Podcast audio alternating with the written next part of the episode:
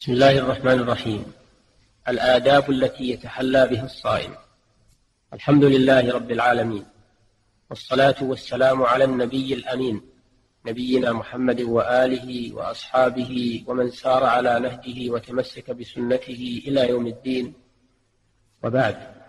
أيها المستمع الكريم إن المسلم مطلوب منه أن يتحلى بمكارم الأخلاق وأن يتخلى عن الرذائل دائما وأبدا. ولا سيما في حال الصيام ولا سيما في شهر رمضان. فإن الصائم قد باشر عملا جليلا يستدعي منه أن يصونه عن كل ما يخل به أو يتنافى معه. ويجب على الصائم أن يجتنب الغيبة وهي ذكر الإنسان في حال غيبته بما فيه من الصفات التي يكره أن تذكر فيه مما يفهم منه تنقصه.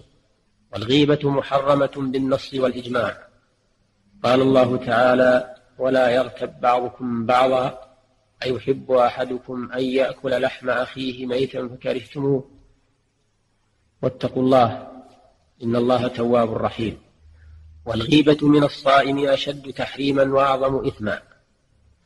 ولقد ورد أنها تفطر الصائم كما في حديث المرأتين. اللتين اشتد بهما العطش في عهد رسول الله صلى الله عليه وسلم. فذكرتا للنبي صلى الله عليه وسلم وما وصلت حالهما إليه من العطش فدعا بهما وأمرهما أن تتقيأ فتقيأتا ملء قدح دما وصديدا ولحما عبيطا. فقال النبي صلى الله عليه وسلم مبينا حالة هاتين المرأتين وما أصابهما إن هاتين المرأتين صامتا عما أحل الله لهما وأفطرتا على ما حرم الله عليهما جلست إحداهما إلى الأخرى فجعلتا تأكلان لحوم الناس. دل هذا الحديث على أن الغيبة تفطر الصائم تفطيرا معنويا بحيث إنها تبطل ثواب صيامه. وأما التفطير الحسي فإنها لا تفطره بمعنى أنه يؤمر بقضاء الصوم كما لو أكل أو شرب عامدا بل إنما تفطره تفطيرا معنويا. هذا معنى ما قرره العلماء رحمهم الله. ويجب على الصائم أن يجتنب النميمة وهي نقل الحديث بين الناس على وجه الإفساد. كان يقول لشخص إن فلانا يقول فيك كذا وكذا ثم يذهب إلى الآخر ويقول إن فلانا يقول فيك كذا وكذا يريد التفريق بينهما وإفشاء العداوة والنميمة من أعظم الذنوب. قال تعالى فلا تطع كل حلاف مهين هماز مشاء بنميم قد أخبر النبي صلى الله عليه وسلم أن النمام يعذب في قبره بسبب النميمة وأخبر أنه لا يدخل الجنة نمام.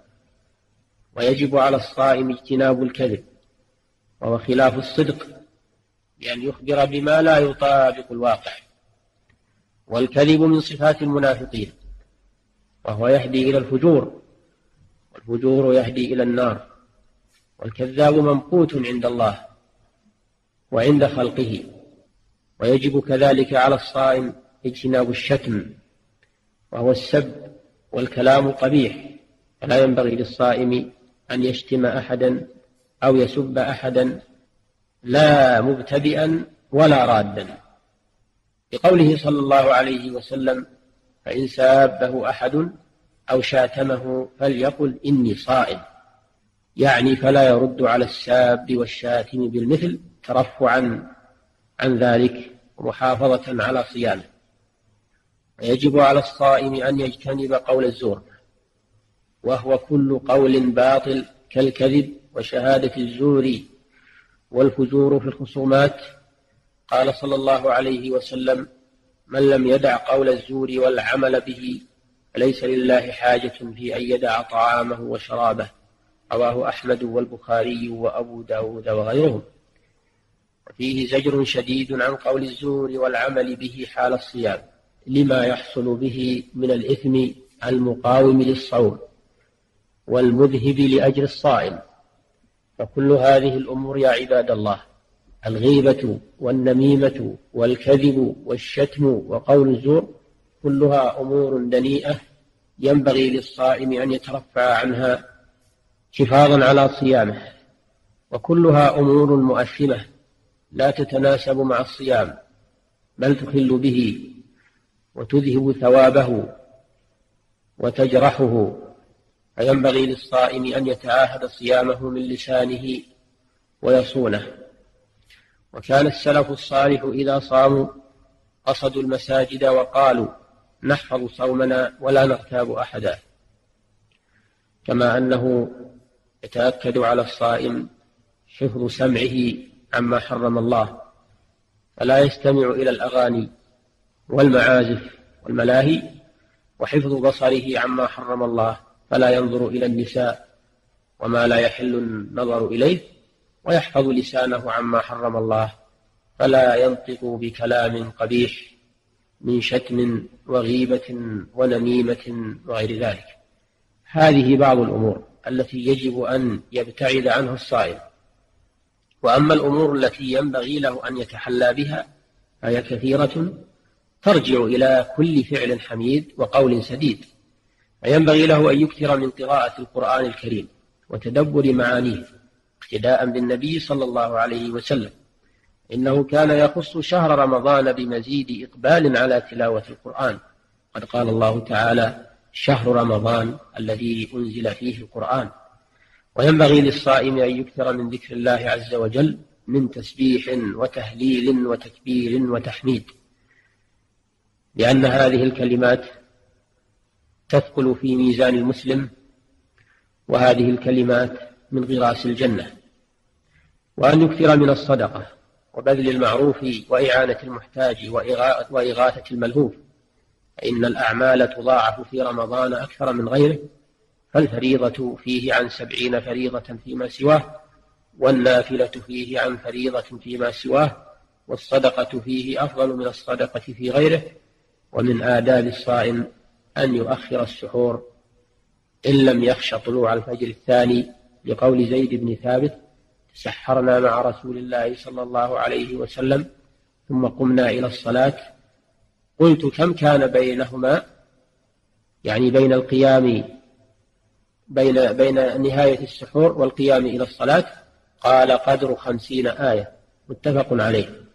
وقال صلى الله عليه وسلم لا تزال أمتي بخير ما أخروا ما أخروا السحور وعجلوا الفطور ويسن للصائم تعجيل الفطر إذا تحقق غروب الشمس أو غلب على ظنه. قال صلى الله عليه وسلم لا يزال الناس بخير ما عجلوا الفطر متفق عليه.